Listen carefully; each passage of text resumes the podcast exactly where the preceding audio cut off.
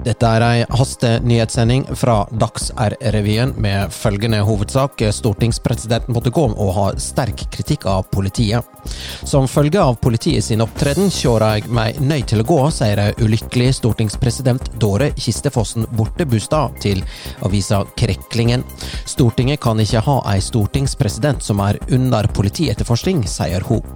Kistefossen legger til at hun selvsagt skulle ønske politiet hadde valgt å opptre på en annen måte, men slik politiet nå oppfører seg, ser jeg ingen annen utvei enn å gå, sier han til Dags-R-revyen. Dette var den ekstra nyhetssendingen. I studio Snorre Surre Bakkehue, og vi setter nå over til eh, neste programpost med programlederne Monica Staff og Mikkel Doblaug, Løvebakken.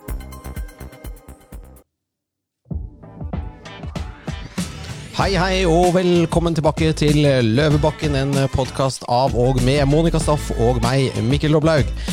Og vi sparker i gang eh, her i november, slutten av november med å bli kjent med nok en eh, trivelig person, som vi også ønsker at du skal eh, ja, stifte bekjentskap med. Hun er kjent for faktisk å komme fra den andre Løvebakken, og skal besøke oss i denne Løvebakken. Hun er kjent for å kanskje provosere litt ved å fortelle folk som demonstrerer og er yrkesdemonstranter at de skal klippe håret og få seg en jobb. Og eh, hun er jo aller mest kjent for spade, kalle en spade for en spade. Men eh, vi bryr ikke oss så mye om spader i dag, for eh, Monica, eh, du er alltid velkledd i Chanel, men i dag så er det cowboydress du har på deg. Hva i all verden er det du holder på med? kjøpt meg um, cowboyboots. Aldri eid før, ja.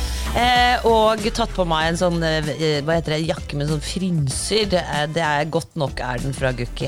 Gukki, jeg, jeg, jeg skvatt skikkelig. Jeg trodde det var en sånn Trump-rally her. jeg, da Nei nei. kom inn her. nei, nei, det har ingenting med det å gjøre. Og jeg har også kjøpt en sixpack med Budwiser. Det ser jeg. ja. Og jeg er ikke sånn som egentlig drikker øl, men for å komme i stemning for det vi eh, er- skal snakke om nå, det er selvfølgelig amerikanske biler. ja. Ja.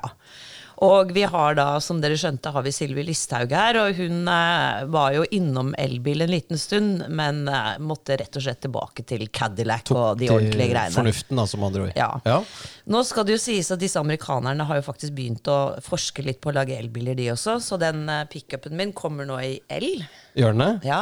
Den, oi, det blir veldig skummelt når den kommer sånn smygende opp fire tonn med liksom Escalade, eh, så du ikke hører at du kommer. da. Det er litt sånn eh, farlige greier. Ja, det er faktisk farlig. Men nei, så det, jeg vet ikke. Kanskje jeg kommer til å kjøpe det en eller annen gang. Men um, Sylvi, du, um, du som vet hvor du bor. Du vet jo det? Vet hun hvor hun bor? Eh, jeg tror hun fant frem hit, i hvert fall. Ja. ja. Ja, det er Løvebakken, da. Det er på Løvebakken. Fra Løvebakken til Løvebakken. Eh, nei, Sylvi, du er jo eh, oppvokst i Ørskog på Sunnmøre. Og, der, eh, og jeg er jo også vestlending, og det er, vi har en greie for amerikanske biler, har vi ikke det? Jeg tror det. Det må være noe der. Og du har også en Suburban, ikke sant? Absolutt. Ja, Du har mange biler, rett og slett. Jeg er jo en veldig bilinteressert mann, så han, er- han sier det at han flyr ikke på byen og fester og sånn, men han vil ha bilene sine i fred. så det bruker han penger på. Så da er ikke det, Dere bruker ikke stortingsgarasjen til de bilene? Nei, og så er jo eh, en garasje med plass til to biler, og så de to andre de må stå ute. Ja. Stakkars. Ja. Ja. De oss bruker selvfølgelig, da. Så. ja for den uh, Suburban, den, du kjører ikke den til daglig? Nei, det er jo sånn familiebilen og skal på tur, gjerne til Vestlandet, og ha med katter i tillegg, så er det godt med mye plass. Ja. ja, Har dere sånn sandboks baki til kattene? da? De, Ja, Stort bur Ja, med ja. sandboks. Ja.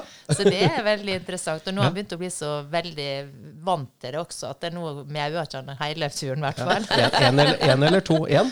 En katt. Hva heter, hva heter katten? Den heter Legolas. Legolas? Ja, det er fra Er det fra Jeg tenker på Lego, ja, men det det er sikkert Ringenes litt herre, Ringenes herre. Ringenes herre. Ja, Legolas. Stupid me, selvfølgelig. Ja. Ja. Men eh, vi henta den da på en sånn dyre, hos Dyrebeskyttelsen, så, eh, så det var de som hadde navnsatt katten. Og ja, men han er veldig en artig skrue. Er det som vanlig skogskatt? Nei, det er det ikke. Det er somalikatt. Oi. Oi. Det, Hvordan ser de ut? De er veldig fine. Ser ut som noen små løver. Oi, med masse, oi, det er det er kult. kult. Ja. Så det er ikke en norsk uh, fjøsnissekatt. Det er ordentlig, det er rasekatt. Det er rasekatt. Ja. Vi hadde alltid katt. Jeg vokste opp med katt. Og det var mange, selvfølgelig en del katter. Eh, men vi hadde den alltid med når vi skulle til Vinstra på, eh, altså på hytta. Ja. Og den eh, var, altså, likte ikke å kjøre bil, så den fikk jo alltid diaré. Når så kom til Åndalsnes, og faren min rasende for den katten alltid skulle være med. Det luktet altså så jævlig i den bilen. Grus. Ja, nei, og se stopp langs med veien også, også for å ordne opp. Lufte katten. Åh. Så det bruker ofte bli mye latter. Er eh, Ja, jeg bare Altså, jeg tror vi var litt bilsyke òg. Ja. Var det, den, det var ikke den bilen du var Nei, det var din bil du var så mye røyk i. Jeg røkte i bilen, mener du? Ja, ja, ja. Ja, Men ikke foreldrene dine. Nei. De var ordentlige folk. De var ordentlige folk. Nei, nei, jeg, jeg vokste opp med to foreldre som ikke røkte i bilen. Ja. Men eh, jeg røkte i bilen, ja. Før. Ja, Før i, før i gamle Jeg hadde. Fiat Uno. Er veldig, jeg kan nesten ikke si det, for det er jo ikke akkurat det vi liker å kjøre. Men jeg hadde det. Det var min første bil. Og da kjørte jeg til jobb i Asker. Da Ja. bodde jeg på Briskeby, og da rakk jeg tror jeg fire sigg. Det var før det var rushtrafikk, det. Det var den tiden man røkte. Men, eh, men du, er det diesel eller er det bensin? Nei, Altså, eh, Suburban er bensin, men Oi. nå kjører jeg Cadillac, som er diesel. Ok, Her lager de diesel Cadillacer. Nei, den er gammel. Den er gammel, ja. Ja. ja. Godt brukt. Ja, for det er en sedan. Ja. Ja. Mm. Jeg er jo vokst opp i en eh, Oldsmobile Cutlass.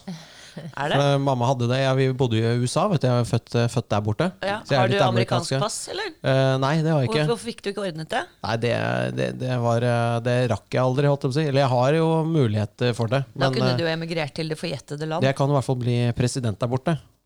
Ja, det kan du kanskje. Jeg kan det, for i og med at jeg er født der. Å, Det er ikke sikkert de vil ha meg, da. Jo, det kan jo hende. Jeg er jo, driver jo Alzheimer-tester, han som er der nå. Så. Meg. Apropos Ja. Alzheimer-tester. Ja. Eh, det er jo et forslag til nye stortingsrepresentanter at de kanskje bør Alzheimer-testes før de kommer inn på tinget. ja, det er lurt. Sånn første spørsmål, f.eks.: Vet du hvor du bor? Ja, det er jo litt sånn eh, det er jo, vi, vi skal ikke snakke så mye politikk, men det er jo, det er jo litt eh, det er, Jeg vet ikke, er det krise på tingene? Og løper folk rundt og brenner dokumenter og har eiendomsmeglere på besøk og for å selge ting? Og hva, hva skjer egentlig? Går det greit der nå, eller? Ja da, det går greit. Men eh, det er klart at det er viktig å ta tak i den saka og rydde opp i det. fordi det er jo sånt som vanlige folk reagerer kraftig på. At man ser på politikere som prøver å berike seg sjøl og få gode de ikke har krav på. Så det er noe som vi er nødt til å rydde opp i. Ja. Det ble jo ryddet opp i eh, Det var Lars Bonheim, faktisk. Det var eh, Stortingsrepresentanter hadde lov til å ha hest. To hester oppstallet eh, i Oslo før. Men det kommer jo fra den tiden man brukte hest, og ikke bil. Ikke hadde amerikansk bil. Og så var det en stortingsrepresentant som hadde en hest oppstalt på Øvrevoll eller sånt nå, med med en største selvfølgelighet, for det hadde han jo krav på. Eh, Men det ble ryddet opp i, da. Ja, jeg lurer faktisk på om man har krav ennå på å ha det nede på dersom politihestene er på Akershus festning. Jeg har i hvert fall hørt noen sagt det. Men ja. Min hest er ikke der, så den er i Sørkedalen. og Jeg er- betaler for det sjøl. Ja. Så du har hest, altså? Ja, dattera mi er veldig interessert i hest, så nå er vi da enda der. Ja. ja. Er du med liksom og sitter inne i den ridehallen og ser på og sånn? Ja, jeg jeg har vært med en del ut der og, og står og tar, tar stallboksen og sånn. Jeg syns for så vidt det er veldig greit. Det er utrolig deilig å gjøre noe fysisk eh, og stå der og ja. Er det hver dag, eller er det Hun er der hver dag. Hun er der hver dag, ja. men, Det er mye eh, jobb. Mm. Jeg, ja, det er mye jobb. Men samtidig så er det veldig flott, for da lærer han ansvarsfølelse, tar vare på et dyr. Eh, Istedenfor å flakse rundt nede i byen, så må han ut i stallen. Så Mm. det er veldig mange fordeler med det. Det er du veldig glad for? Det er jeg veldig glad for. så jeg håper å fortsette med den interessen. Men er det da sprangridning? Ja, hun, hun ønsker å holde på litt både med sprang og dressur. Ja. ja, for det er jeg, jeg liksom jeg, Min datter også drev litt med hest da hun var liten, men mest fordi nabojenta drev med det. Men hun var egentlig litt redd hesten. og da var jeg ute i det ridehuset ute på Østern. Ja. Østern gård, Det er en gård her i Oslo hvor de driver med hest. Bare til opplysning for folk på bygda som hører på. Ja. Eh, Den er faktisk i Bærum. Ja. Det er faktisk i Bærum, det er det. Unnskyld. Ja, det skulle bare vært så deilig å ta deg på noe. Ja, ja, endelig endelig også- kunne ta deg, liksom. Kanskje jeg også har fått alzheimer. Ja, nei, det tror jeg ikke. Kanskje det smitter. Ja, det kan hende. Ja. Ja. Eh, nei, og da, da var da jeg skjønte at jeg er allergisk mot hest òg. Mm, faktisk. Men eh, tilbake til disse stortingsrepresentantene som ikke vet hvor de bor. Eh, Det har jo også vært noen saker med noen sånne reiseregninger, og, og, og det virker jo som om Det har ikke noe med hvilket parti du kommer fra, for det, liksom, det er over hele fjøla. Og de eneste nå som liksom sto opp og, og var kritisk når hun Eva Kristin Hansen liksom ble avslørt, hvis vi kan kalle det det, var jo dere i Frp og Rødt. Og da tenkte jeg, det er jo de som ikke er inne i det gode selskap. De får sikkert ikke lov til å stikke hånden ned i hon- honningkrukken, så de er litt sure. Er det sånn det er? Nei da, og vi har jo hatt flere saker hos oss. Men jeg mener det handler ikke om hvilket parti man kommer fra, eller hva, altså hvor mange saker det ene eller andre partiet har. Nå handler det om å få rydda opp. Og hvis det finnes noe mer som ikke er bra, så må vi få avdekka det. Eh, Fordi det kan ikke fortsette med at du stadig vekk får avsløringer på Stortinget av eh, representanter som har brutt regelverket. Vi er nødt til å rydde opp. Så jeg eh, håper at vi skal få til det nå, og lage et regelverk som jeg mener jo det regelverket som var der, var enkelt å forstå. Eh, men se på hvilke behov det er for ytterligere justeringer, og så må vi komme oss videre. For det er klart vi må ha en ordning med pendlerbolig, sånn at folk fra ulike deler av landet kan komme til Oslo og være på Stortinget.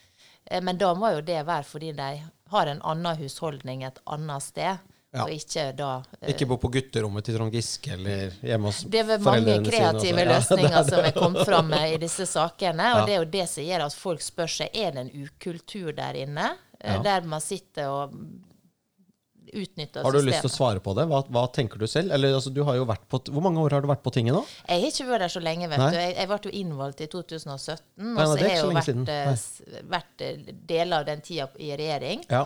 Så, så jeg har ikke vært der så Du har, lenge. ikke, du, har ikke, du har ikke rukket å bli liksom bedervet ennå? Nei, altså, jeg, og jeg bor jo i Oslo, da. Jeg har min bolig i Oslo. Ja. Så jeg har heller ikke hatt noe pendlerleilighet. Og det er jeg veldig glad for. Ja. men eh, jeg forstår jo det at mange må ha det. Ja. For det er klart å komme hit og begynne å kjøpe seg bolig eller Nei, det leie, det koster selv. jo skjorta. Ja, det har vi råd til. Å, å, å spandere Ja, ja, ja. Det boliger. skal, det er jo ikke det det selvfølgelig går skal det være sånn, men det er klart at når man da liksom bruker det som eh, Altså, du bor i Ski, da, som er 27 km unna. Grensen er vel 40, har jeg skjønt. Ja. Eh, og du har en leilighet og det, Jeg vet ikke om det er gått etter i sømmene hva, om hun har brukt den selv, eller lånt den bort, eller leid den ut. Eller det er jo veldig mange muligheter når du har en sånn Det blir en fin ekstrainntekt. Ja. Ja. Så, men du, nok om, nok om eh, boliger, holdt jeg på å si, og Stortinget. Eh, du har jo blitt eh, også partileder. Eh, hvor, eh, hvor er det, hvordan er det? Nei, altså det, er jo, det ble jo veldig brått å komme på, da, Ja. egentlig. eh, Fordi at vi hadde jo eh, ikke forventa at det skulle skje noe skifte før valget. Men eh, når det først skjedde, så var det jo bare at de måtte omstille seg og eh, gå løs på oppgaver. Og det er klart, det første var jo valgkampen. Først Ja. dreide alt seg om det. Og så greide vi da å berge et resultat som bidro til at vi sikra mandat i alle fylker der vi hadde vært Ja. representert, og det er viktig. Så, så jeg mener vi er godt skodd nå for å greie å vokse framover. Ja. Og nå jobber vi da med å rigge oss klar til, eh, til de neste åra. Ja. Og så føler jeg nå vi er kommet greit i gang, og så er det å jobbe og stå på framover. Det er vel litt deilig å være i opposisjon nå, for nå kan liksom eh, ta ja, Man kan ikke senke skuldrene, men da har man tid til å utvikle politikk. Ja, så du kan si at det er jo ikke deilig å tenke på at det sitter sosialister og styrer Norge. Det.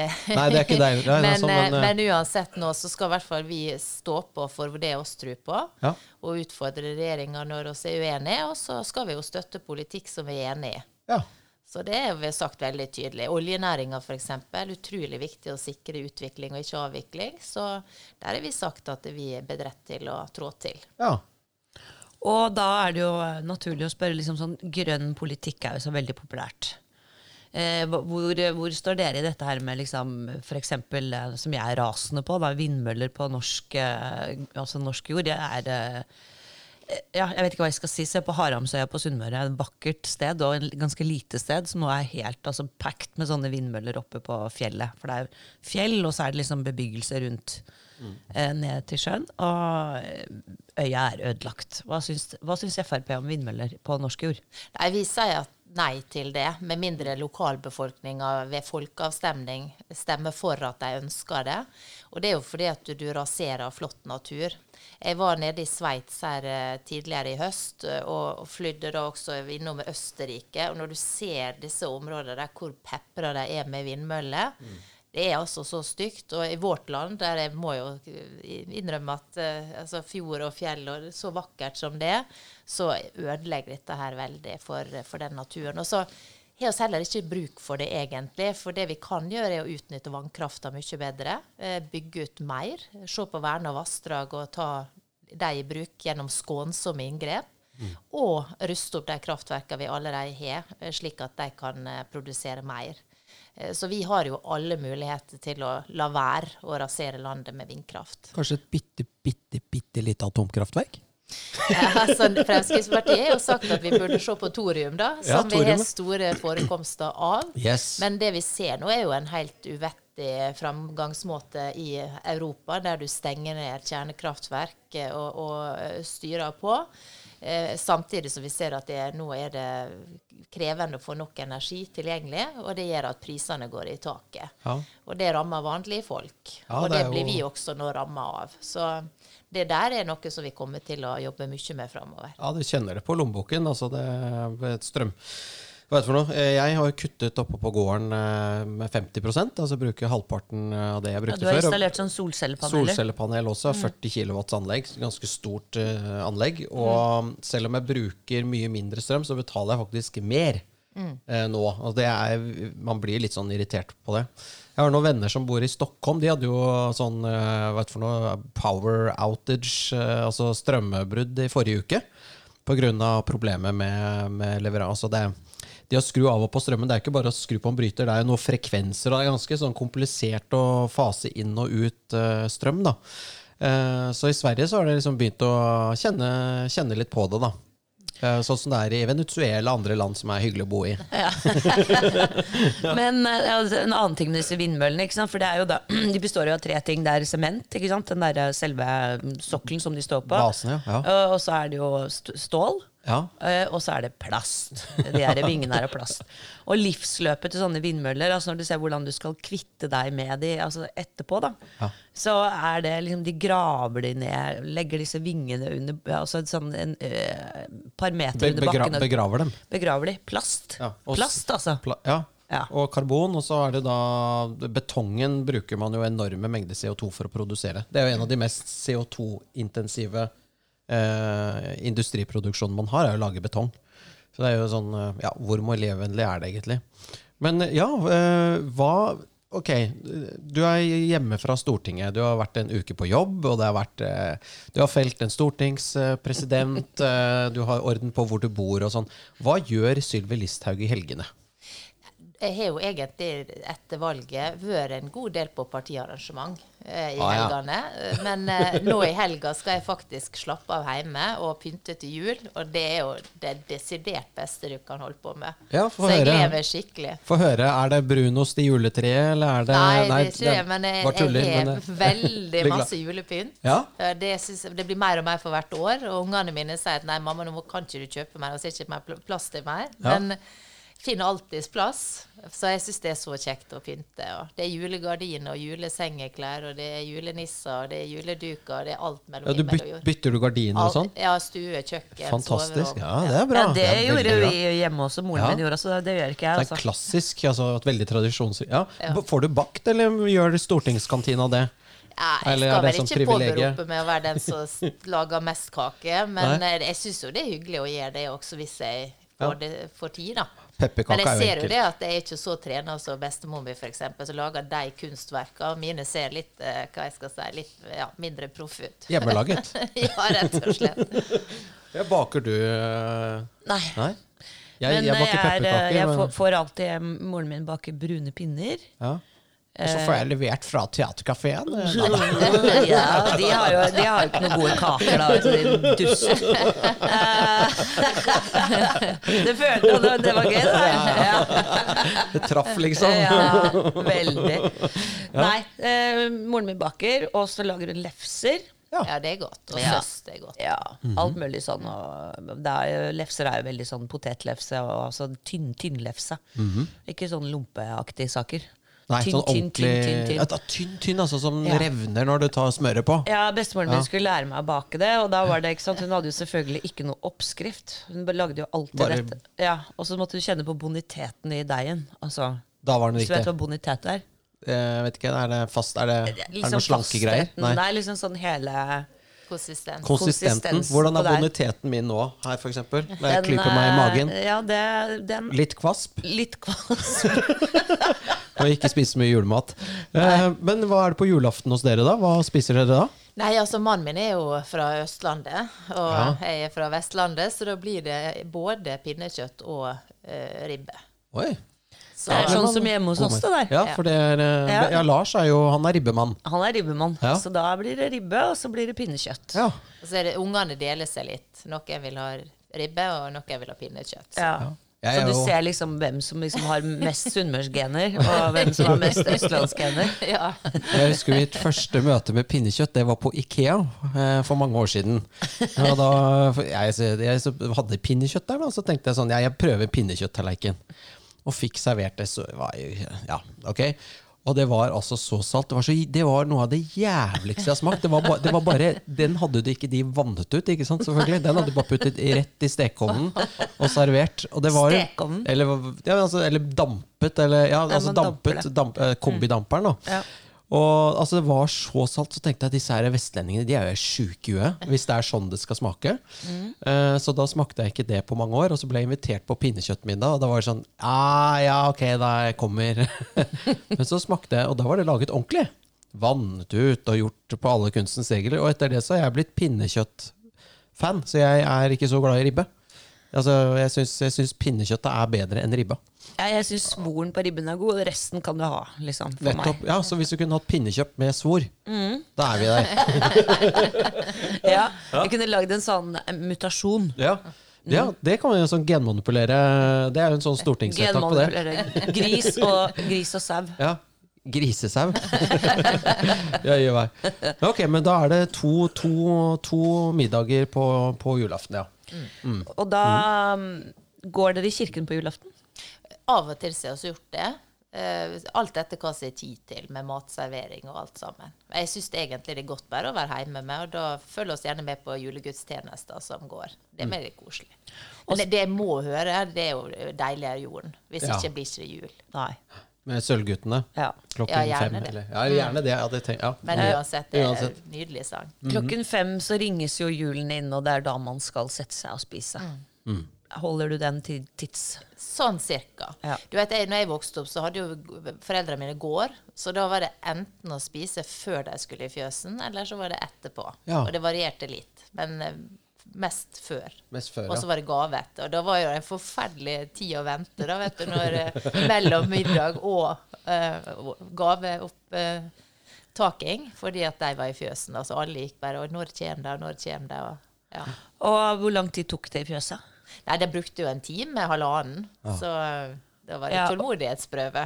Og da Ja, det er lenge når du har barn, så er Ja. en time veldig lenge. Ja, ja, ja. Jeg husker det der selv. Ja. De, de skulle vaske opp. Det må jeg ha vært Da var det sikkert ikke oppvaskmaskin på den tiden der. Ja, altså tiden, bare bare Ja. tiden fra 1. desember til julaften, det var lenge, det. Det var så lenge det at det var jo helt umulig å vente så lenge. Ja, og nå er det liksom bare et Ja, det kvarter. er jo, jeg har ikke tid til å feire jul i år, tror jeg. Ja. Men uh, tilbake til, uh, til kirken. Vi pleier å gå i Øyer kirke på, på julaften. Eh, og jeg syns det er veldig hyggelig. Og ellers er ikke jeg veldig mye i kirken, men selvfølgelig når det er en barnedåp eller en konfirmasjon eller et bryllup. ja. Eh, men jeg syns jo eh, Kirken som eh, hva skal vi si, kulturbærer i, eh, i norsk tradisjon er viktig. Men nå har vi da hatt de siste eh, ja, par ukene så er det 1700 som har meldt seg ut av Den norske kirke. Hva tenker du om det, Sylvi? Nei, det forstår jeg veldig godt. Og det begeret er jo snart fullt for min del òg. Selv om jeg, det som jeg holdt meg igjen, er egentlig tilknytninga til min lokale kirke i Ørsko, da, som jeg er veldig glad i. Den kirka. Men det er klart at jeg syns Den norske kirke utvikler seg mer og mer til å bli en politisk aktør. Som Ja. blander seg opp i alt mellom himmel og jord. Gjerne spørsmål som splitter befolkninga. Og det syns jeg er utrolig dumt, fordi at kirka skal jo være et sted der alle kan møtes, uansett hvilket politisk standpunkt de har, hvilken bakgrunn de har. Og det bidrar til at de ødelegger litt det samholdet, da, eller den institusjonen som kirka skal være. Men hvorfor har dette skjedd? Det er jo pga. at nå begynte det å blandes inn i oljepolitikken også, og ønsker å stanse oljeletinga, oljeproduksjonen. Og her er det jo 200 000 mennesker i Norge som enten direkte eller indirekte jobber i næringa. Det er ekstremt lønnsomme arbeidsplasser. Det vil ikke bety noen ting for klimaet, heller i negativ retning hvis du legger ned norsk oljeproduksjon. Men du flytter arbeidsplasser, eh, verdier og makt til Kina, nei, til Russland, eh, mm. til Saudi-Arabia og andre land som jeg vel ikke vil, vil si at eh, ja, vi er tjent med får mer makt. Eh, at det islamistiske regimet i Saudi-Arabia skal få økt makt, det er i hvert fall ikke en god idé, syns jeg. Nei, absolutt ikke. Og det er jo veldig naivt dette her med, med å liksom, altså, legge ned oljeproduksjon. Altså, det er jo i det beste fall naivt vedtak også, fordi alle skjønner jo at det ikke kommer til å skje. Det kommer jo kanskje til å Jeg vet ikke på et eller annet tidspunkt. Det er vanskelig å si, fordi at i 1905 i den der paraden 4. juli på, i New York på Fifth Avenue, så var det jo bare hester. Ja, og bare ting, noen år etterpå så var det bare biler. Mm. Ja. Så sånne ting kan gå veldig mye fortere enn det vi tror. Mm. Men bare se på det skiftet som har vært mellom liksom, bensin- og dieselbiler og til elbiler. Og så vi jo, kan vi jo snakke om ja, batteriproduksjon og hvor liksom, miljøvennlig er det egentlig. Men i hvert fall det, sånne skifter kan gå, kan gå veldig fort, mye raskere enn det. Men det er jo bare fysikk, det er bare et regnestykke. Jeg tror I USA så bruker de 18 millioner liter fat i døgnet. Mm. Og, det, og, et fat er ikke, er ikke Og det visste ikke liter, hun liksom. Så du den? Ja, jeg så den, men, eh, men poenget er jo også at um, dette handler bare om et regnestykke. Det er hvor mye kilowatt bruker mennesker hver dag, og hvor får vi de kilowattene fra? ikke sant? Og kutter du ut oljen, så, så er det bare å flytte inn i, i gapahuken i Nordmarka og spise bark. liksom. Det er ikke mm. noe annet alternativ. Men tilbake til det med kirken. da. Så Jeg føler liksom at, at, at det en, pågår en kamp i kirken. på en måte å nærmest gjøre det umulig for folk med andre verdier å være der. Da. Ehm, jeg så på f.eks. når vi skulle snakke om tvillingabort. altså Hvis du får tvillinger, så kunne man abortere ett foster. Mm. Det kunne ikke Den norske kirke ha noe mening om. For det, det, var, det, var, var, det, var, ikke mulig å ha en mening om. Men oljeboring, det kan dere mene noe om. Eller om Palestina. Eller 50 eh, er ikke nok. Altså Det virker liksom som at eh, Kirken har fullstendig abdisert på de tingene de faktisk skulle bry seg om. Altså det å drepe et foster. Det mener jeg har litt sånn Det, det har noe med liksom verdier å gjøre, da, føler jeg. Etikk. Etikk og moral og verdi. Men ja, altså hva har, har liksom eh, Kirken blitt woke? ja, det blander seg i hvert fall inn i alle temaer som splitter befolkninga. Og så er jo så du sier at det tema som du skulle tro de hadde et engasjement for, det tør de liksom ikke å uttale seg om. Så det, det, er jo veldig spesielt. Men til det med bil, bare altså, For det alle går rundt og tenker at oi, det er en enorm utbytting av diesel- og bensinbiler med elbiler. Ja, det er det i Norge. Men du vet, i verden for øvrig så er jo bildet helt annerledes. Eh, og så er det jo sånn at selv om all biltrafikk i hele verden skulle gå over på elektrisk, så vil det jo være et stort behov for olje uansett. For det er mange andre produkt eh, som bruker olje. Altså prosessindustrien vil vi jo ha der uansett. og det, det jo, oljen blir jo brukt til veldig veldig mange forskjellige formål. Veldig mye av det vi går, står, bruker i hverdagen, er jo laga Eller har i hvert fall olje i seg. Mm. Eh, så derfor så vil jo det være viktig. Og så er det sånn at verden jo, består av stadig flere folk mm. som, skal, eh, som trenger energi for å, for å, løftes ut av fattigdom. Eh, og det er jo der man også møter seg sjøl i døra. Da. For hvis man vil bekjempe fattigdom, begrense fattigdom, så må man jo også eh, legge til rette for eh, at disse skal få lov til det. Og da er jo energi en helt eh, avgjørende kilde. Mm. Så, så, olje kommer det til å være bruk for i all overskuelig framtid uansett. Eh, det som vil begrense etterspørselen, er jo utvikling av teknologi, som alle heier på. Eh, men vi må være med å produsere så lenge verden trenger olje. Mm. Og det trenger vi lenge. Veldig lenge. Ja, ja nei, det, og det er helt riktig som du sier, Silvi, at vi er jo, altså det, det, er vel det landet i verden hvor det er flest elbiler. Ja, og så er det Danmark tror jeg nummer to, og så er det liksom forsvinnende lite i resten av ja. jeg, var, jeg, hadde jo tyske venner på besøk. De har aldri sett så mye Teslaer. Uh, Eh, Og i Tyskland så er en Tesla X det er liksom dyrere enn eh, direktør Mercedes S-klassen. Altså, altså, ja, men det er virkelig sånn Så når du hadde Tesla-drosjer her og sånn, så var de syntes det var, var helt sick, liksom. Eh, fordi der nede så er Tesla Kommer du en tes sort Tesla X, da, da er du så jævlig velstående og så innmari kul, da. Og det er kanskje én Tesla X i München, da. Ja. Eller to eller ti. Eller, ja. Men altså, poenget er bare at det er, Norge er ikke eh, malen på hvordan virkeligheten er. Nei, og det tror jeg altså Jeg tenker som så at når vi liksom er så opptatt av um, det grønne skiftet, og eh, vi er opptatt av at alle skal kjøre elbil, og er den altså det landet i verden som kjører mest elbil, og så, og så bryr vi oss om veldig mye annet. Eh, som, som jeg mener er sånn eh, Hva skal jeg kalle det? Egentlig ikke ordentlige ting. Det er bare, altså Vi er så rike og vi er så mette og vi er så uh, velfødde at vi må liksom finne, lage noen problemer. Alt var mye bedre under krigen! Ja, men jeg tror det som folk ikke forstår, er hvorfor Norge skal eh, være så voldsomt eh, t- Altså gå så langt da, i å regulere, skattlegge alt, når de ser at vi står bare for ca. 1 promille av utslippene. Og Kina og India de dundrer på. Eh, skal ikke kutte noen ting før tidligst i 2030. Eh, og det, jeg tror det er det folk har problemer med å forstå. Så og jeg syns det som er trist å se, er at alle andre partier er jo på helt eh, samme kurs. Altså Å høre på Høyre snakke er jo som å, å høre MDG snakke. Så vi kommer til å være den edruelige stemma i dette her også framover. Den tror jeg det er behov for, og jeg tror flere og flere kommer til å våkne og se det at det, vi, må, vi kan ikke skjære av oss hele haka. Altså, vi må bruke litt fornuft her og tenke på at vi skal ha noe å leve av i dette landet også framover. Og da kan ikke oss eh, ha så ekstremt høye avgifter, skatter, at det vil utkonkurrere industri og arbeidsplassene våre. Ja, det er jo formuesskatt, annet. Det er jo en diskusjon som gjør at eh, ja, skal du kjøpe et norsk selskap som utlending, så har du ikke den formuesskatten på toppen som gjør at det er mange bedrifter blir solgt ut av landet. Fordi det er jo ikke da regningssvarende for et norsk konsortium for eksempel, å sette seg ned og se på det og kjøpe det. Mm. Det er en sånn effekt som jeg tror det er SV og disse her bare driter i. Ja, Men de vil jo ikke ha privat næringsliv. Nei, Så, så det er jo det er på en måte Det hadde jeg glemt. Det er, ja, og det er jo hele poenget at hvis du sier til en i SV at sånn Ja, men så innfører du formuesskatt og øker den skatten og sånn, sånn så, så vil jo selskapet gå konk. Og da sier de bare sånn Ja, det vil det. Ja, hva med de som jobber der? Nei, de kan gå på Nav. Det er svaret jeg har fått fra en raddis. Liksom. De kan gå på Nav. Hva med de som eier firmaet da, når de mister levebrødet? Nei, de kan også gå på Nav. Altså, SV vil ikke ha privat næringsliv. De vil ha statlig næringsliv. Og så vil de nå si at nå er jeg litt ekstrem, og sånn, men eh, innerst inne så er det jo det de står for. da. Ja, Men hvor tjukk er de i huet da, liksom? Veldig. Hvis du tror at, liksom, at Nav at det er sånn der eh, Sareptas krukke som bare liksom fornyer seg, fornyer seg, fornyer seg. Det er fordi de ikke kan noe om økonomi. Ja. Ja.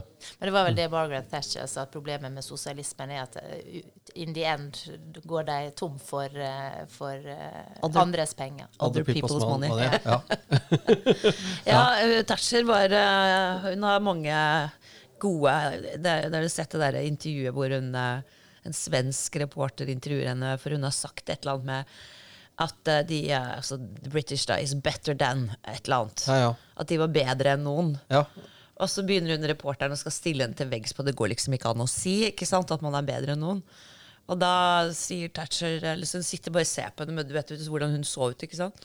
Ser hun på den svenske reporteren og sier You're Swedish, aren't you? Were you neutral during the war? And We were neutral during the World Ja, ja. War. ikke sant? While we fought the Nazis. Ja, Og hun bare la på. Og så sa hun, avsluttet hun med So yes, we are better than you. Better than. Og så lurte hun på om, om, så lurte hun, på om, om hun kunne hoppe. For at alle intervjuene hun hadde, avsluttet hun med at de hoppet. Hun bare Certainly not. Why should I do such a ridiculous thing You jump? Og bare Digger du Thatcher? Ja, selvfølgelig. Ja, det er veldig bra. The Iron Lady. Ja. Blir du kalt det, eller? Nei, Nei. det blir ikke kalt det. Nei. Du er som Smil. Myk på midten, selv om skorpa er litt hard. Ja, nei, altså Men hun var utrolig eh, flink, Hun var flink, rett og slett. Og Ja. det, som, det som var det største med hun og Reagan, var jo at de knuste kommunismen. Og Yes. for alle oss som vokste opp på 80-tallet og husker det, husker DDR, husker Sovjetunionen, husker Øst-Europa, Så når vi hører Moxnes og disse her snakke, så får oss frysninger. Ja. Eh, fordi selv om det er en, i Norge og en, en mer mild utgave, så er det jo de samme tankene, det samme tankegodset som ligger bak. Det å velte seg i andre sine penger, at politikerne skal styre, at det skal reguleres, at alt skal være offentlig. Og vi så jo hvordan dette gikk. Mm. Det gikk til sammenbruddets rand. Mm. og derfor så eh, er det viktig å bekjempe det. Og vi har et veldig veldig ferskt eksempel med Venezuela. Allikevel så virker det ikke som det går inn på lystavlen. Nei, og mange av de som er vo- vokst opp nå, de husker jo ikke Sovjetunionen og alle disse her. Og Venezuela er jo langt borte. Men, og, og Rødt, eller det, det som den gang var Rød valgallianse, var jo ute og hylla Venezuela som et kjempeflott uh, eksempel. Eh, og etter hvert så har de de har jo enorme oljereserver, og likevel så er det fullt kaos og fattigdom. De har ikke mat, medisiner og den slags. Så det er jo bare å se hvordan det går. Hvis ikke du legger til rette for privat kapitalisme, næringsliv, og at du faktisk bidrar til å utvikle det, så går det galt. Ja, det er. Altså, Venezuela er, var Latin-Amerikas aller rikeste land. Altså, eh, Concorde gikk fra Paris til Caracas, ikke til Buenos Aires og andre steder. Det var liksom Caracas, det var, det var Venezuela som var det rikeste landet i, Latin-Amerika. Det tok vel Hugo Chávez ca. 20 år, da, så er det helt backwards. Nå er jo det landet omtrent eh, Ja, det er et u-land, da. Det er jo, jeg tror snittvekten på venezuelerne har gått ned med 6-7 kilo de siste, siste årene. Det er ikke for at de liker å slanke seg, det er for at det er Så du ikke burde mat der. egentlig flytte dit, du. Ja, jeg burde flytte dit, være der et års tid eller to. Kanskje jeg kan bli eh, det bolivarske opprørs... Nei, men, men, men igjen, da. Vi vokste opp på 80-tallet og husker den kalde krigen. Eh, Det var, det var rammealvor, det, altså. Ja, det var mange ganger han var redd for Fulgte med på Dagsrevyen og, og Ja, liksom atomvåpen var jo noe man frykta. Og, Ja. Og særlig dette med DDR eh, og Berlinmuren og Berlinmurens fall. Ikke sant? Men det, det er jo Og jeg tenker sånn du tenker på eh, utdanningssystemet i Norge, da, at de faktisk, eh, de som vokser opp, ikke lærer at de, må, altså, de kan jo ikke lære om dette på skolen, da, i og med at de er så kunnskapsløse om, om dette her. Og jeg tenker også sånn er de som utdanner seg til prester og går på Menighetsfakultetet, hva er det de lærer der som gjør at de blir politiske aktivister, sosialister, liksom, når de kommer i posisjon? Det må jo, være, må jo ligge noe der. Ja, nei, det, altså, det, det er jo vanskelig å vite. Men nå, nå er det jo sånn i Den norske kirke at det er jo mange prester på grasrotnivå som egentlig er opptatt av uh, kristendommen og, og det de egentlig vi forventer at de skal være opptatt av. Og så er det vel et større problem kanskje sentralt i kirka at man oppføres mer som politikere enn som, som uh, teologer. Eh, og det er jo litt av utfordringa her også. Så vi ser de spenningene fra tid til annen. Skulle man liksom innført statskirken igjen, sparket alle biskopene og utnevnt dem på nytt politisk, så hadde det liksom blitt politisk på ordentlig? Nei, jeg tror ikke statskirka heller er noen løsning på det. Men uh, jeg tror nok kan, altså Det som skjer, er vel at flere og flere trekker seg ut. Uh, noen velger kanskje å gå inn i frimenigheter, men uh, sånn totalt sett så tror jeg bare mange føler seg fremmedgjort, og, og det er jo veldig synd, Ja. rett og slett. Nettopp pga. at det er en viktig kulturell eh, institusjonsbærer også i det norske samfunnet. Ja, det er det. Ja, det er det, fordi at alle, alle våre eh, altså, ferier eh, er jo Høytider og ja. Høytider, ja. Påske, pinse, Kristi himmelfart, eh, julen. Alt er egentlig kristne tradisjoner. Vi er gode lutheranere. Vi er gode lutheranere. Nei, min søster har meldt seg ut eh, av statskirken altså før dette her, da, men, fordi hun har irritert seg over alt eh, dette. Men jeg bare tenker at jeg skal faen ikke gi meg. Oi, oi, oi, banne. Jeg rakk ikke å trykke på den pipeknappen. Banne i kjerka. Det er ikke lov. Nei, så jeg tenker det er liksom to Unnskyld, jeg har, um, jeg har veldig sterk covid. Eh, eh, da har man liksom to valg. Man kan enten melde seg ut, eller bare bli. Liksom stå imot. Ja. Ja, og jeg, jeg liker å stå imot, så jeg velger det. Men tilbake til Venezuela, kommunisme og sosialisme. fordi at min, eh, min sønn han gikk på en forferdelig dyr privatskole i Sveits. Og tok sånn hva heter det, en internasjonalt baccalaureat istedenfor å gå på videregående i Norge. Og dette betalte vi av egen lomme av skattede penger. Eh, men der eh, gikk det da en, fra, en eh, ung gutt fra Venezuela som jeg også ble litt kjent med, for han var litt kompis med min sønn. Han var da sønn av en høytstående embetsmann i det venezuelske altså, re regjeringsapparatet.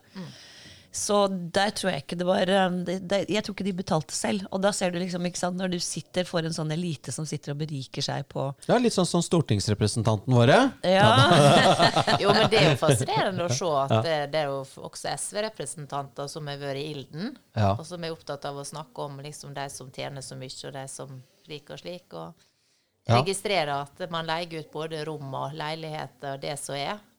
Men, Så det er, eh, man er seg eh, selv en- en nærmest, og lommeboka. Det man sier, og en annen ting er hva man gjør, ikke det det? Jo, ja, og selv eh, Erik Solheim har jo sagt at for at færre skal være fattige, så må flere bli rike. Og så har han solgt seg selv til Kina. Ja, ja, ja. meld seg inn i MDG. Ja, vel seg i MDG. Ja, ja, ja det, er, det er Men det er helt rått. Men du, Sylvi, jeg lurte på en ting. Fordi du har jo på en måte Du er jo et menneske av kjøtt og blod, eh, og du har valgt å på en måte ofre deg for eh, fellesskapets beste. At du våkner opp om morgenen og vil Du vil jo noe. Eh, og det er jo mye enklere å ikke Det er jo mye enklere å bare drite i hele dritten, og så bare være normal og ha en 9-4-jobb. Og slippe å bli skjelt ut og få ekle e-poster og være på en måte Hva er det i deg som gjør at du valgte å bli politiker, og fortsatt faktisk vil stå i det? For det har jo en kostnad. Ja, absolutt. Ja. Men eh, det er, jo, det er jo utrolig givende. Og så er det jo fordi at Å få hatemail? Nei, men du treffer jo så masse flotte folk, og, og Ja. får oppleve så mye. Bare sånn, mange er jo f.eks. ute og besøker folk som ikke får hjelp, er syke, ikke får medisiner. Altså folk som er i ulike typer situasjoner. da. Og det er så utrolig givende å gjøre det du kan for å hjelpe dem. Ja. Og jobbe for at de skal få eh, tilgang til medisiner, at de skal få den hjelpa de fortjener fra kommunen. Altså være ombudsperson, da. Det syns jeg er noe av det mest givende. Og så er det det å jobbe for å få til de endringene som du mener er riktige. Nettopp. Og jeg, jeg syns det er utrolig bra å tenke på f.eks. det vi fikk til på innvandringsfeltet med innstramming og sånn. Hvor mye det er spart Norge for, av kroner og øre. Ja, men da blir jo du beskyldt for å være slem av disse som er veldig snille, visstnok. Ja, det, det, det får nå så være. dynamikken, Men jeg tenker Ja. jo på framtida til landet, Ja, ja. på at vi skal ha et godt velferdssamfunn også framover. Mm. Eh, og, og da er jo jeg glad for at jeg vet at det vi har gjort på det området, har ført til at mange færre asylsøkere kommer. Og dermed så er utgiftene på det området redusert kraftig. Mm. Selv om noen andre partier ivrer etter å ta imot flest mulig flyktninger og sånn, så har i hvert fall vi bidratt til at asylstrømmen har blitt kraftig redusert. Um, og det gjør jo også at man kan hjelpe mer i nærområder, eh, istedenfor at man da ta av de pengene til å bruke til asylmottak og annet i Norge. Så, så det syns jeg er bra. Um, og så er vi jo altså, vært med på å bygge rekordmye veier, altså fått gjort mye med infrastrukturen. Det merker jeg når jeg kjører opp til Møre nå, at det er mye bedre veistandard. Det, Da har du et smil om munnen. ja, fått opp da- noen fartsgrenser hos gjort, og da med enda større smil rundt munnen. Ja, ok, Så du føler faktisk at det du gjør, eh, at det blir et resultat, altså? altså ja da, altså vi har jo fått resultat, og så er det andre ting som er frustrerende. Ja. Og så tenker jeg bare, en kan ikke gi seg, må jobbe, jobbe, jobbe for å få overbevist eh, flere om at det er slik vi må gjøre det. Gjør det, ja. Og er det Ja, sorry. eh, Ja, nei, disse reguleringskåte menneskene som da gjerne vil at vi alle skal marsjere i, i takt, det er jo de samme som eh, vil ha ubegrenset med innvandrere inn til Norge. Og det er jo liksom en no-brainer å skjønne at du kan liksom ikke ta inn alle til Norge. Men det er liksom, der er det ingen grense, hvilket jeg syns er helt latterlig, for det går jo ikke an. Eh, og så har du, har du da når Sånne som f.eks.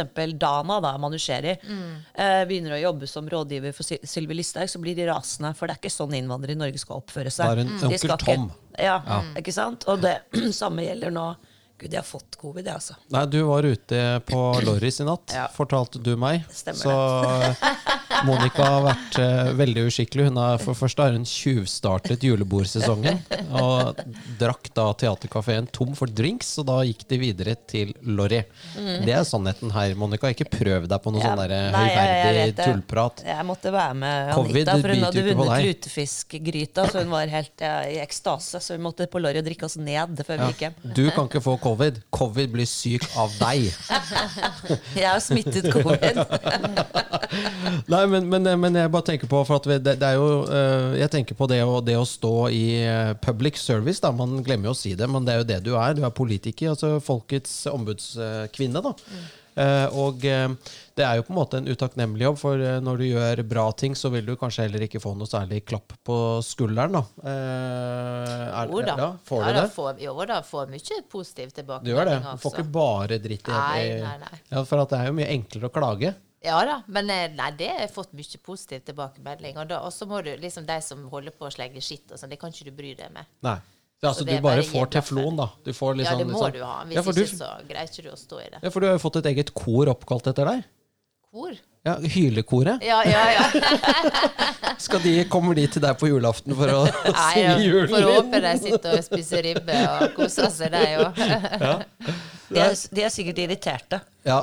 Så, men, men jeg tenker på med Frp, ja, for nå er du blitt leder. Eh, Er det liksom, Blir du hentet i sort bil og sånn da, eller er det, Nei, hvordan er det å være leder for Frp? Eller er Jeg, det, jeg syns det er veldig ja. givende. ja? Eh, Jeg kjører min Cadillac eh, rundt sjøl, Ja. og jeg elsker å kjøre bil. Ja. Så jeg syns egentlig det er veldig greit å få lov til å kjøre rundt sjøl. ja. Men du har plass i stortingsgarasjen. Ja, Det er ganske smooth, da. Ja da. Og det, Kan jeg låne den plassen jeg skal på? Hvis jeg ikke er der. Ja. Det har vært sånn, jeg skal ha plassen til Silje. Ja, Vi har en avtale. Men det er ikke sånn du, fast plass. Du har ikke én fast plass, da. Det er sånn du tar Ja, for jeg tenkte at Du og Vedum må jo ha litt større plass enn de andre. For dere kjører så hver dere sånn svær bil. Ja, ikke Cadillacen min. Den er ikke så Den er stor. ikke så stor, nei. Nei. Okay, ja. Det er ikke Suburban du kjører ned der? Nei, den prøver jeg å unngå dit. Men uh, til, uh, til da denne veldig populære coviden. Ja. Eh, nå snakker de om at det har kommet et nytt mutert, eh, veldig farlig opplegg nede i Botswana. Mm. Så Oslo Børs eh, falt fra start i dag fordi at folk har blitt livredde for dette viruset som jeg tror fortsatt er i Botswana. Ja. Eh, Det er rasistisk å si. Det heter ikke Kina-virus. nei. Det heter ikke Botswana-virus. Det heter K91357HB. Jeg blir lei av å jeg synes, altså, jeg har jo, jeg, for et par uker siden så hadde jeg faktisk covid. Altså jeg var ikke klar over det Mm. før jeg testet meg fordi det var noen som jeg hadde vært sammen med, som også hadde det. Så eh, det var en veldig veldig lett utgave av uh, coviden. Men uh, også, jeg, jeg tenkte, så tenkte jeg, nå har dette viruset som slapp ut av et uh, laboratorium i Wuhan i Kina, kommet til liksom opp i nesa mi. Mm, det er ganske det er fascinerende. Det er fascinerende. Ja, det er det. Ja. Men eh, pandemihåndteringen kan vi jo sikkert si mange ting om. Men tror du, hvordan, hvordan kommer dette til å utvikle seg? Mikkel tror jo at dette er en konspirasjonsteori. Skjønner du at det, det er noen som konspirerer og skal ha Det er hva er det som The. Great Reset? Er Ja, ja. det? Det er han Klaus Schwab i eh, World Economic Forum, The Great Reset. Så det er en sånn eh, en, eh, vet du for Det er en elite som ingen ser og hører og vet hvem er, men de er der. Kanskje det er noen aliens, f.eks. Og så har de liksom sluppet ut dette på oss da, for The Great Reset. Jeg tror ikke Sylvi tror på de greiene. Ja, det gjør hun etter vi har snakket sammen nå en time, nå, så kommer vi til å tro på det. Men hva, hva tror du? For det alle liksom nå er livredd for, er jo at det ikke blir noe julebord, det ikke blir noe gøy i desember. At, no, at det skal liksom stenges ned på et eller annet vis. Hva, hva, har, hva vet du om det? Jeg vet jo ikke noe om det, annet enn at uh, statsminister Støre skal komme til Stortinget på tirsdag og redegjøre for eh, situasjonen, og sikkert da også hva de planlegger å gjøre videre. Jeg håper jo sånn sett ikke det, men eh, samtidig så må man jo bare høre på hva de som nå sitter og ser både hvor mange innleggelser det er, hva slags utfordringer vi kan stå i. Og så hvis så skulle skje, så må jo staten stille opp da og hjelpe bedrift igjen, som vil bli knallhardt ramma. For det er klart mange er jo nå allerede på gyngende grunn pga. at de har vært stengt ned så mye og tapt så mye inntekter. Julebordsesongen vil jo naturlig nok da være noe av det viktigste tida på året for mange restauranter f.eks. Så, så da må man jo komme med, med det også. Nei, og det er jo særlig reiselivsnæringen, altså restauranter og hoteller, som har blitt, Ja, det- eh, ble veldig rammet under eh, nedstengningen. Knallhardt. Eh, Ja. Dagligvarebutikker har jo aldri, det har jo aldri gått bedre, liksom. Det går det bra med. Ja. Ja. Ja, men det, Være sier- på Svinesund, da. Ja, ja. Ja, Ja, det er ikke vårt problem. Det er ikke vårt problem. Ja. Nei, nå etter at det åpnet igjen, så er det jo bare trist i Sarpsborg og Fredrikstad. For der var det jo liksom heydays på Kiwi. ikke sant? Ja. Og nå er det ingen der, for alle er på, uh, på Svinesund. Eller på hva heter det senteret? Nordbysenteret. Nordbysenteret. Ja. ja. Du pleier vel å dra dit, Jørgen? På sånn flesk og flasketur? Flasketur. eh, flesk og flasketur til Nordbysenteret. Ja. Ja, av og til. Da er det, det er deilig å ha svær, diger amerikansk bil. Da, ja, ja, ja. Ja, ja. Jeg har jo ikke Jeg har tysk bil, da, sånn eh, slagskip. Uh, ja. Ich auch. Ich Eh, auch. eh, men uh, min mann var, han eh, kjører jevnlig over til Svinesund for å kjøpe Ramløsa. Fordi det, Ja, det er sant, det. på sommeren for eksempel, så går det altså så mye Ramløsa at du kan le deg i hjel. Mhm. eh, og, og noen andre sånne burker som disse eh, som liker sånn brus, drikker. Få Og, si fra neste gang, så kjøper Ja, blir litt Pepsi til Pepsi. Det er notert. Det er notert. Nei, han, ble, han ble stoppet, og da var også den derre eh, GLS-en min var så søkkelasset at den liksom lå nedpå kardangen omtrent. Eh, og fikk, da fikk han beskjed om at det er ikke lov til å handle for mer enn 2500 kroner når du kjører tur-retur på dagen. Ja. Og han hadde handlet for ti, i hvert fall. Og da sier han ja, men dette har jeg jo gjort i mange år. og han derre tolleren var bare sånn Herregud. Ja ja, du får kjøre, men ikke gjør det en gang til. Og sånn, ok, da. Så slapp unna. Men det var ikke jeg klar over, altså. Nei, det er, det er, det er en Det er grense en på det. grense for hvor mye du kan kjøpe. 24 timer er det vel. Per person, liksom. Ja. Ja, Er ikke det bare tull? Ja, Det er mye rare regler. Mm. Så, Ja, men, altså, er det sånn proteksjonisme for det? Altså? Ja, det er vel det. det er jo samme, du kan vel heller ikke handle på taxfree-en hvis du reiser altså, Det er sant, I hvert fall ikke timer. alkohol og tobakk og sånn. Da må du være mer enn 24 timer ute. Uh, Ja, er så du sant? er jo lovbryter de luxe, Monica. Du skulle jo sittet inne nå. Hvor ofte, hvor Du skulle ikke vært her, du nå. Du skulle vært hvis, inne, jeg, hvis jeg drar til Paris, tror du jeg drar på dagstur? Eh, ja, det gjør det jo når du klipper håret. Jeg skal, jeg skal til. Frankfurt på onsdag på tur i tur. Ja. Men Ja. da er ikke jeg sånn som kjøper på taxfree. Altså. Jeg har det er kanskje jo- noen sigaretter i ny og ne. Men, det det- har de lenge. Sigaretter, det må Ja. du også slutte med. Jeg røyker bare til fest. Ja, Røyker du, Sylvi? Nei, jeg kutta ut alt. Du har kutta ikke festrøyker? fest og- Alt sammen? Ja. Kjedelig, ja. Nei, det er faktisk veldig greit å slippe det. Det er det. Ja. Ja, Ja, for du er jo avbildet med, med sigg. ja, ja. ja, ja. Det er det bildet de bruker av deg hver gang, det. Ja, ja, ja. Absolutt. Jeg har sluttet å ta bilde av deg. det, jeg har ikke sett det brukt av noen andre politikere som røyker. Nei, Men det er eh, det er bare vel én regel for meg og en annen for alle andre. Det er jo sånn det bruker å være. Sylvi-regelen. Ja. Mm. Så Scanpix har slettet alle bildene av deg, og det er ett bilde. Ja. Det er jo sånn som uh, Mette-Marit som har sånn der cystisk fibrose, eller hva det heter for noe. Mm. Hun sigger jo som en skorstein, ikke sant? og hun gjør det jo helt eh, altså, åpent. Og det er aldri et bilde av henne, for det er liksom, hun har hun har lungesykdom. Ja, ja, ja, ja, Så står hun og røyker. ja. Jeg Det er synes ikke så- lurt. Det er ikke lurt. Det er ikke lurt. Men, men eh, få høre nå, jeg bare, eh, i og med at vi har en representant fra Løvebakken her. Hva gjør dere på Løvebakken i advent? Er det sånn julepresanger og sånn? Går du inn til Jonas, gir han en god klem, og så får han en julepresang av deg, og så får du en spekeskinke av han, og så drar dere ned til Moxnes og åpner julekalender med sjokolade i og spiser litt, og så tar du kanskje sjokoladen hans i skatt, og er det liksom god stemning? Eh, Får dere julemat i kantina? Hva er prisen på et smørbrød i stortingskantina, osv.? Veldig mystisk. Ja. Hva skjer der inne? Nei, altså før jul så bruker det å være ganske hektisk, for da er det jo budsjettinnspurt. eh, Og det vil si at alle komiteer skal behandle sitt eh, del av statsbudsjettet. Og helheten skal behandles, og skatte- og avgiftsdelen skal behandles. Og da går det egentlig i ett. Det er ikke noe julebrus. Eh, Nei, altså det bruker å være en juleavslutning. Den er visst avlyst i år pga. korona. Okay. Ok. Så um, et sånn juleavslutning og sånn som Ja. bruker å være da.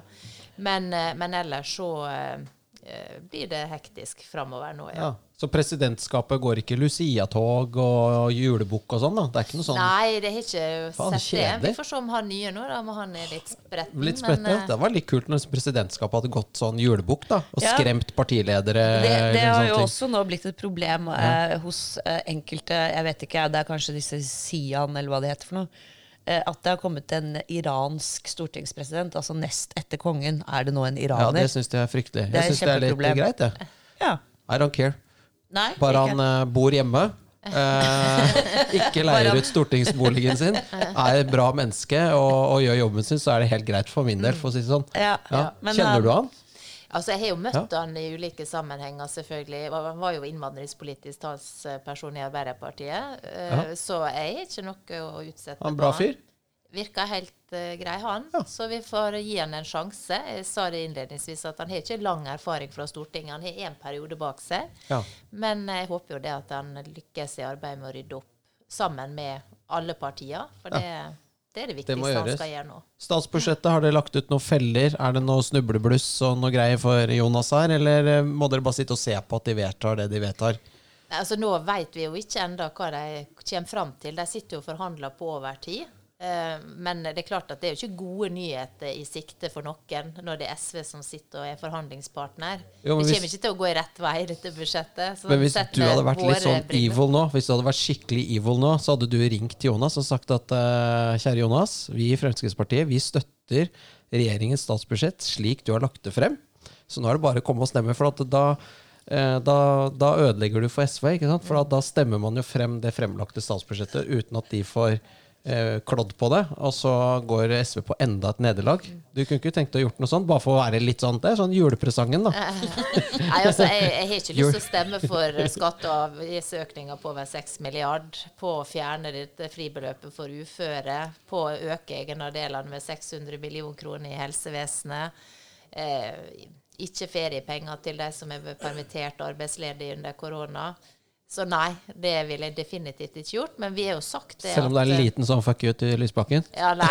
Eh, og, og økte bilavgifter og Ja. diesel og bensin osv. Nei, så det er altfor mye ille i det budsjettet til at så kunne skje. Men vi har jo sagt det at eh, hvis dere ikke finner sammen med SV, så står vi nå her Klare. og kan eh, sette oss ned Ja. eh, og redusere skatter og avgifter og endre på de tingene som er nødvendig. Ja. Det hadde jo vært litt drømmen, da. Ja, altså, vi, vi står klar. Men, eh, Mm. Ikke han og det er kommer. nå litt merkelig at han Vedum, som da var så voldsom i valgkamp og før med skatt og avgift og alt mulig, og så ser vi hva han leverer. Det er jo mildt sagt jo, et mageplask. Det er jo fordi at det finnes ett politisk parti i Norge du ikke kan stemme på. Og det heter Finansdepartementet. Eh, det er, ja, men det er sånn, Husker du da eh, hun Kristin Halvorsen skulle bli eh, finansminister, så rev alle seg i håret. Og dette går, dette, ikke sant? Så går det 14 dager, og så kommer hun ut. Da er liksom som en robot som prater finansdepartementsk. Og så var det 'Å nei, Siv Jensen', helt ytterpunktet, helt på andre siden. Nå skal hun, nå skal Frp få tak i, i lommeboken. Nå blir, det, nå blir det liksom Rai Rai og Svinesund eh, i fire nye år, liksom. Det blir helt. Nei da, Siv Jensen gikk inn døren, kom ut. eh, 14 dager etterpå snakket finansdepartementsk.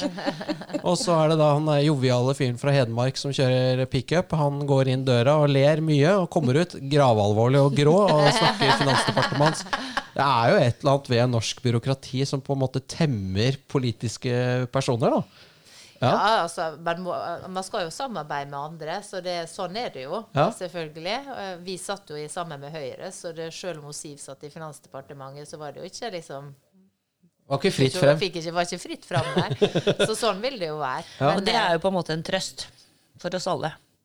Ja. Når det kommer eh, altså, statsråder inn som du bare tenker grøss og gru, ikke sant? så er de faktisk nødt til det. De har jo et mandat. ja. De kan liksom ikke ture frem med akkurat sånn helt 100% egen politikk. Nei da, det kan jeg ikke. Altså, så, men det skal bli interessant å se hva som blir resultatet her. Av dette her, ja. ja, ja, ja, Det ja, blir dyrt. Det er det Det eneste blir som er helt sikkert. Det blir dyrt. Ja, for at de må kjøpe SV, på en måte. Nei, men altså, de vil jo ha økte skatter og avgifter. Mm. Eh, og, og, så det er jo det som kommer til å sikkert skje, da, at de må gi enda mer på det. Og da Ja. Det rammer jo mest vanlige folk, da, disse Ja. avgiftene. Vi får bare flytte til Cayman Island, tenker jeg. Ja, men altså, ikke sant? De er jo så opptatt av de rike, som er altså en promille av Norges befolkning. fordi at jeg, vet, jeg er litt usikker på hvor, liksom, hvor går grensen. Liksom, Hvem er det som er de rike? Det er også litt uklart. Men når Arbeiderpartiet snakker om vanlige folk, akkurat som det er masse arbeidere i Arbeiderpartiet altså De som sitter der, er jo stort sett akademikere fra Blindern. ikke sant? Så Helt og, vanlige akademikere. er helt vanlige akademikere fra Blindern. Ikke ekstraordinære Ja, engang. så det er ikke, ikke sant? Så de, de snakker jo ikke til vanlige folk, Nei, det er sant. etter min mening. Ja. Og når de da eh, klarer å sitte og lage en eh, skatte- og avgiftspakke som altså rammer, rammer vanlige folk, rett og slett. Og det er klart at det er dritirriterende for, eh, for eh, meg at bompengeprisene altså prisene øker. Ikke sant? Men det gjør ikke at jeg ikke har råd til å kjøre der. Det blir bare litt dyrere for meg. Ikke sant? Så det blir jo mindre biler på veien og mye smoothere for, eh, for de som er rike, da. Faktisk. Ja, det jo... det virker jo helt mot sin hensikt. Og Han, eh, Trygve Hegnar sa det at han syntes at man bare kunne sette bompengene til 100 kroner på passeringen, for da slapp han kø. Ja. Han fikk fattigfolka ut av veien. Han skrev en veldig artig kronikk på det. Det er jo noe i det.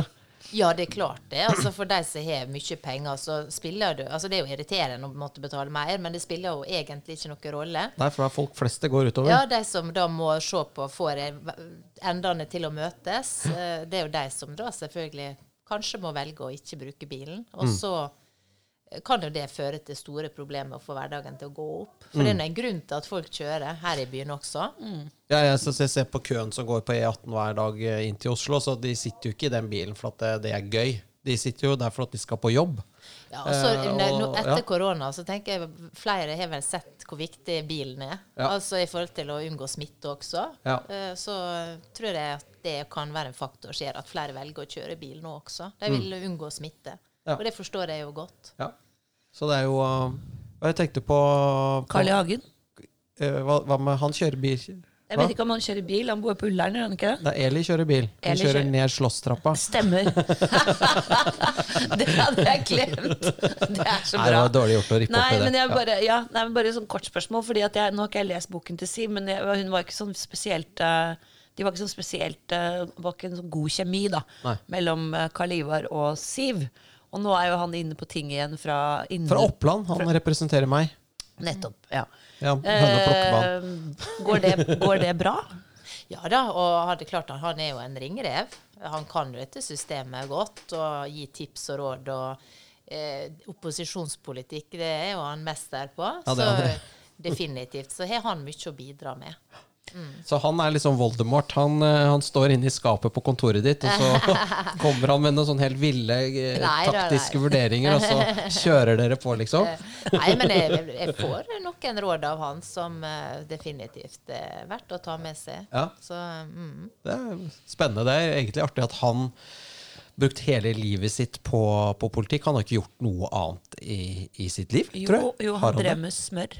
Jo, men det var liksom Sukker er det. Lyle, tror jeg det heter. det. Stemmer det? Sukker. Hvorfor tenkte jeg smør? Sukkerprinsen, ja, stemmer. Men det, men det gjorde han frem til han var 30 eller sånt nå, og så er, er det politikk siden. Altså, Ja, ja. har holdt på veldig mange Hele sitt voksne liv, da. Ja. Ja. ja. Og det er vel sannsynligvis uh, Tror du at du kommer til å gå ut av politikken, Sylvi? Tror du Et, ja, etter hvert så regner jeg jo med det. Hva det- kunne du tenke deg å gjøre da?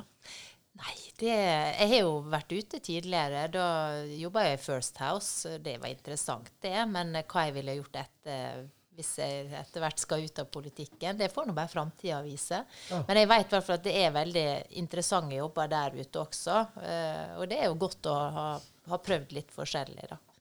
Ja, for kunne du tenkt deg å drevet en, altså, en bedrift? Altså, Jeg har jo alltid sagt jeg kunne tenkt meg å skapt noe. Du vet, Jeg er jo sunnmøring, da. Det ligger i blodet. Ja. Det, det kunne jeg tenkt meg hvis ikke jeg var i politikken og gått i gang med noe sjøl. Eh, Ja. Men så er det jo liksom blitt politikken jeg holder på med. Men jeg nå er jeg jo, blir jo 44 år, da, så jeg, får vi se hvor mange år eh, politikken kommer til å ta av eh, mitt liv. Men jeg ser jo ikke for meg at jeg kommer til å pensjonere meg i veldig ung alder i utgangspunktet. For jeg er jo litt eh, sånn liker å glad i gjøre ting. Ja. Ja. Stå på. Ja. Ja. Ja. Det Jeg blir er jo fort lei av å sitte hjemme. ja, det Ja. gjør man. Glor. Det er jo fordelen med å jobbe for seg selv, at man kan pensjonere seg akkurat når det passer. For jeg også tenker at det å sette seg ned hjemme og bli pensjonist, det virker bare nitrist. Ja. Så lenge man er frisk og rørlig og ikke har fått alzheimer og ikke skjønner hvor man bor. Ja, så er det greit å gjøre ting. Ja. Ja. Nei, men eh, vi eh, kunne sikkert ha snakket en time til med Sylvi eh, om diverse. Vi har jo um, masse temaer å ta når det gjelder både politikk og uh, i og for seg samfunnsspørsmål generelt. Men uh, Løvebakken er over for denne gangen, fordi ja. Mikkel skal ut og kjøpe julegave til meg. Eller bursdagsgave er det faktisk først. Den er kjøpt. Den er kjøpt, ja. Ja. Kan du For, grue eh, deg. jeg blir 40 år uh, på søndag. Men uh, Sylvi, du kan jo komme tilbake igjen senere. Det er alltid lov å komme to ganger på Løvebakken også. Det er lov. Ja, Så bra. Ja, eh, da ønsker vi eh, folk en god og fin eh, førjulsuke. Ja. Og kanskje vi ses på Lorry. Kanskje vi ses på lørdag. Tusen takk for at du kom. god jul til alle sammen. Det får du lov til.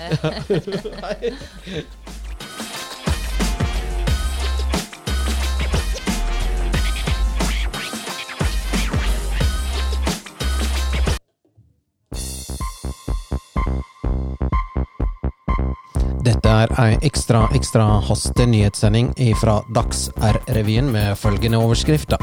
Familie fikk nattlig besøk av stortingspresident. Det var stortingspresident Arne Donald Pendlesen som i går ble funnet i god behald etter å ha vært savna i to døgn. Stortingspresidenten ble funnet på Luremoen i Juksebø, flere mil fra bostaden i Skrotdalen i Nissefoss. Det var ei familie som våkna av at en fremmed banka på døra og ville inn. Ifølge familie skal stortingspresidenten ha trodd at, at, han bodde i huset. Til avisa Løkringen sier Pendelsen at eh, han ikke kveit hvor han bor. Det er nesten ingen på Stortinget som kveit hvor de bor, framgår det nå av ei undersøking.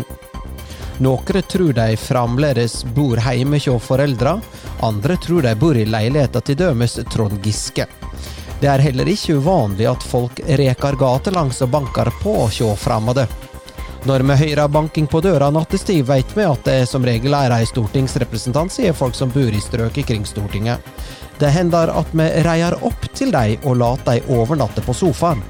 Om morgenene ringer vi Stortinget slik at det har vært ordna med henting. Det hender òg at folk slår seg ned hjemme hos folk dersom de liker seg ekstra godt. Ei familie hadde til dømes Arbeiderpartiets utenrikspolitiske talsmann buende på kortet i flere år. Denne ekstra nyhetssendinga fra Dags-RR-revyen var lasen opp av Stein Galen.